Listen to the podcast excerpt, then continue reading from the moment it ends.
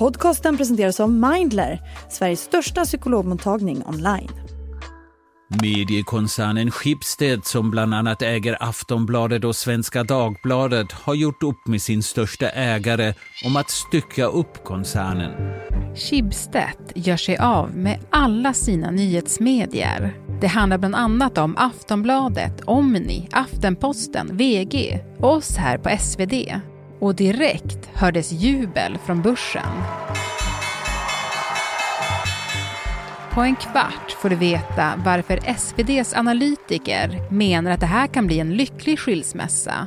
Jag vet inte vem som är Gwyneth Paltrow och vem som är Chris Martin av liksom Blocket och Aftonbladet här, men det, det, det kanske du, du har en bättre idé om. Och varför det spelar roll vem som äger vem i mediebranschen.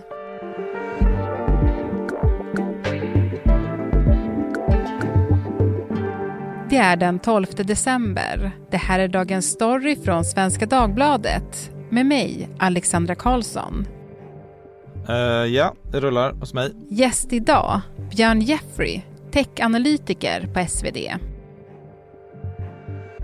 Du, Björn, hur glad blev börsen i morse när nyheten kom att Schibsted skulle kicka ut alla sina nyhetsmedier. Oss på Svenskan, Aftonbladet, Omni, VG, Aftenposten. Bort bara!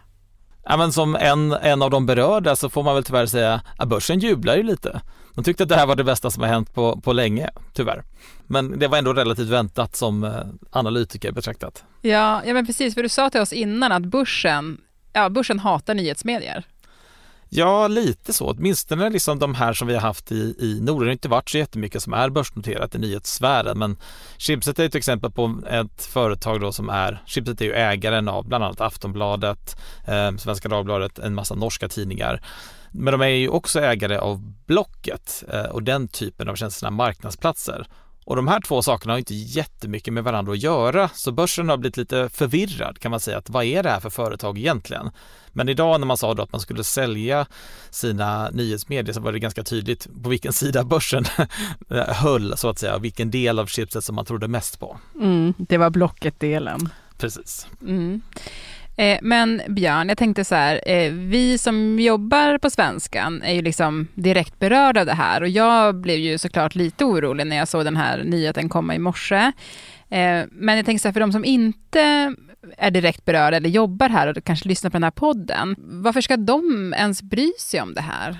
Jag tänker att medieföretag och alla dess liksom olika eh, tentakler berör ju liksom miljontals människor. I princip alla i Sverige har ju någon som kontakt med något medieföretag alternativt då någon marknadsplats dagligen i, i någon form. Så jag tänker att om man, är, om man bryr sig om detta så är det viktigt att ja, säkerställa att det faktiskt finns en god konkurrens, att det bedrivs god journalistik och att man ja, har folk som granskar liksom sin omvärld på ett vettigt sätt hela tiden. Det tror jag är viktigt för alla även om man kanske inte tänker dagligen på vem som äger varje enskilt bolag.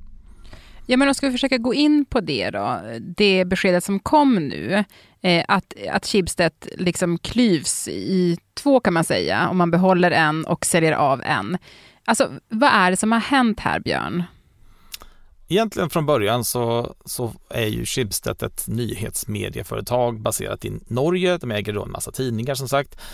Under liksom, ska man säga 2007 någonstans där så köpte man ju in det som då heter Blocket.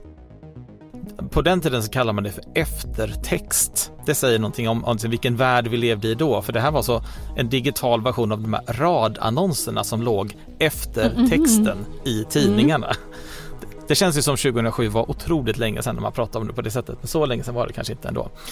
Eh, men då köpte man in Blocket och tänkte att det här är nog liksom en framtida affärsmodell för oss. Vi kan göra den här typen av marknadsplatser. Så då hade man den och så hade man en i Norge som hette Finn som var ungefär samma sak. Finns, eh, norska Blocket mm. kan man säga.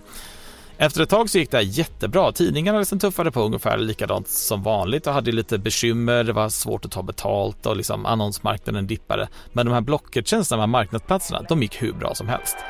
Nu blir det gratis att annonsera i många av våra mest populära kategorier. På Blocket. Så då kom chipset på, ja men vet ni vad? Vi kanske ska rulla ut där i andra länder om vi kan göra det här i Sverige, vi kan göra det i Norge, kanske vi kan göra det i massa andra länder istället. Så då gjorde man det, så startade man liksom en turné där man liksom startade blocket över hela Europa och, och, och i andra platser också för den delen. Och det gick hur bra som helst eh, och tjänade massa, massa, massa pengar och det här blev jätte, jättestort. Más rápida y sencilla que existe. Vivo, lo vivo y luego lo vendo. Gå på opdagelse med DBA's app og se, hvad dit kvarter gemmer på. Och då blev det liksom lite av en, jag tror att det, man kan säga att det blir lite av en identitetskris för Schibsted. För man var ju egentligen en tidningsmakare från början och så nu plötsligt så satt man då och var ett, en av världens tre största ägare av digitala marknadsplatser. Mm. Och det var kanske lite oväntat. Så egentligen det som händer nu är väl att man säger, vet ni vad, vi måste nog dela upp det här för det här har inte så jättemycket med varandra att göra och det här blev på ett sätt kanske mycket, mycket bättre än vad Chipset någonsin hade tänkt sig. Och nu har det blivit, gick så bra med de här marknadsplatserna att det nästan skapade ett problem. Mm. Det nya projektet blev så stort att det blev större än huvudverksamheten nästan.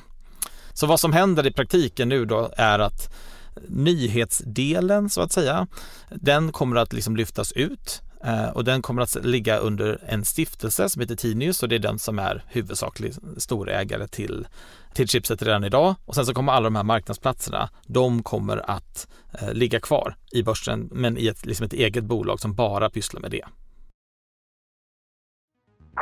Den norska mediekoncernen Schibsted vill sälja sina nyhetsmedier, bland annat Aftonbladet och Svenska Dagbladet.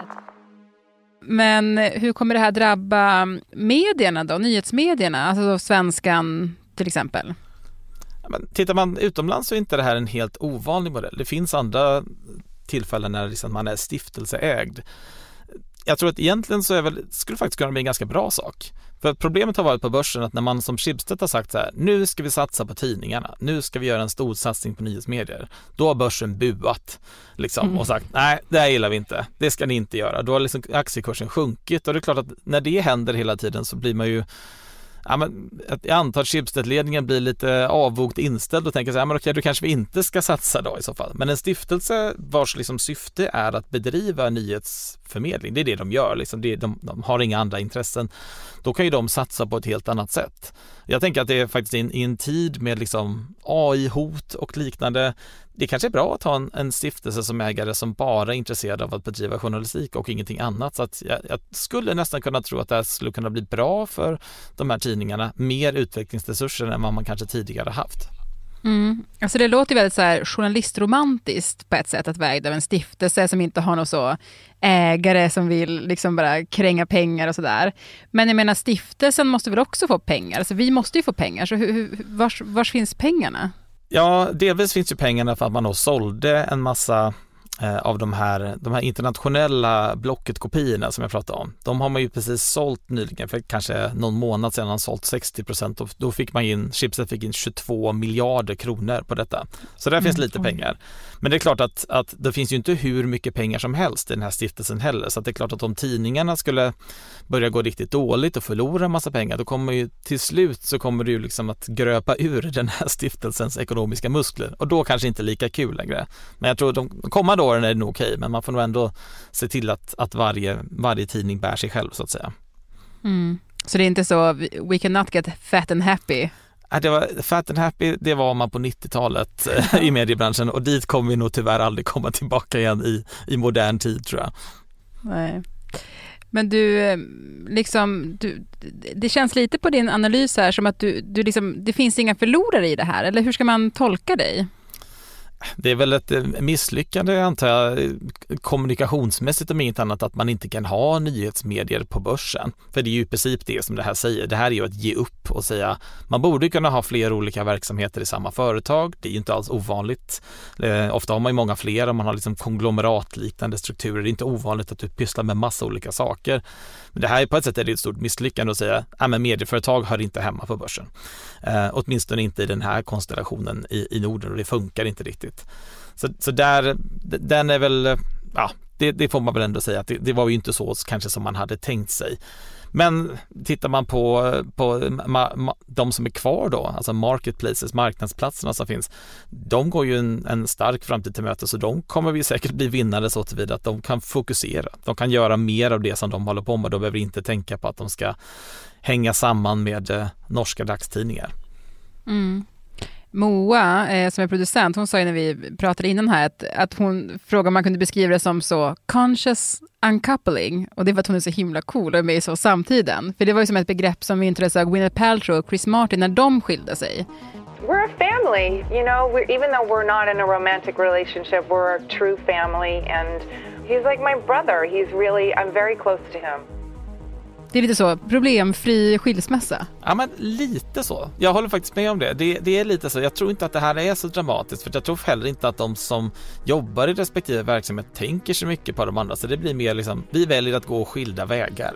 Eh, och det är inte så, så superdramatiskt på det sättet, tror inte jag. And everybody seems to be happy, which is in the end is that not all that matters. That's all that matters.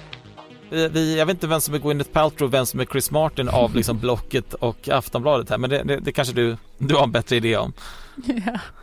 Ja, ja svårt. Äh, men är inte, Aftonbladet är lite mer Gwyneth Paltrow tror jag. Okay. Lite mer så, det händer lite mer. Ändå. Ja men det säger vi, det låter, det är ja. rimligt. Mm. Men du Björn, det finns ju liksom eh, två stora jättar på den svenska mediemarknaden och det är ju då eh, Schibsted som vi pratar om nu och det är också Bonniers som bland annat äger då Dagens Nyheter och Expressen. Eh, alltså hur, hur, hur, liksom, hur, kan, hur kan den svenska mediemarknaden påverkas av det här eh, eh liksom, som kommer hända nu, att Schibsteds nyhetsmedier blir stiftelseägda? Alltså vad det skulle kunna bli är ju att det blir ännu hårdare konkurrens. Det, som sagt, det finns ganska få medieägare redan nu. Om man får gissa då i den här nya nyhetsdelen av Schibsted, det som finns kvar, när de inte måste hålla på med massa marknadsplatser och sånt utan kan bara fokusera på nyheter, då skulle jag, jag skulle gissa att de kommer vilja växa. Och, och, det innebär att man måste köpa nya bolag, fler saker. Och så många medieföretag att köpa finns det inte i Norden. Eh, och så som du är inne på, så många köpare finns det inte heller. Så på ett sätt kan jag nog tänka mig att de, det här egentligen gör att konkurrensen blir liksom ännu hårdare. För nu har man superfokuserat och sagt det här är det enda vi ska hålla på med. Och i så fall kommer vi också satsa alla våra resurser, alla våra pengar, alla vår, all vår tid på att liksom utveckla den verksamheten här i Norden. Så att det, ja, det kan nog bli ganska, det kan bli lite tufft eh, konkurrensmässigt tror jag, för båda parter. Mm. Mm. Och för en analytiker som dig själv kommer det bli julafton att få följa. Alltså det här är ju den största medienyheten som har hänt på hela året. Så för någon som är medieintresserad som mig så är, det hör man ju kanske att det är eh, ju väldigt entusiastisk och intresserad av detta. Jag förstår att det kanske inte låter så superdramatiskt men det här är ju företag som är invävda liksom i nästan varje svensk person eller varje nordisk persons vardag på något vis. Så att man kanske inte känner det liksom från dag till dag men det är ju en stor sak hur de här företagen bedrivs för att se till att, ja, att man, man får den typen av journalistik och den typen av nyhetsförmedling som, som man känner att man vill ha. Så det, det är jätteviktigt även om det kanske inte alltid låter, låter så direkt. Mm. Du, tack så jättemycket Björn. Du ska ju också skriva en analys om det här så jag ska släppa dig nu faktiskt. Ja, men, men tack så jättemycket för att du tog dig tid. Tack så mycket.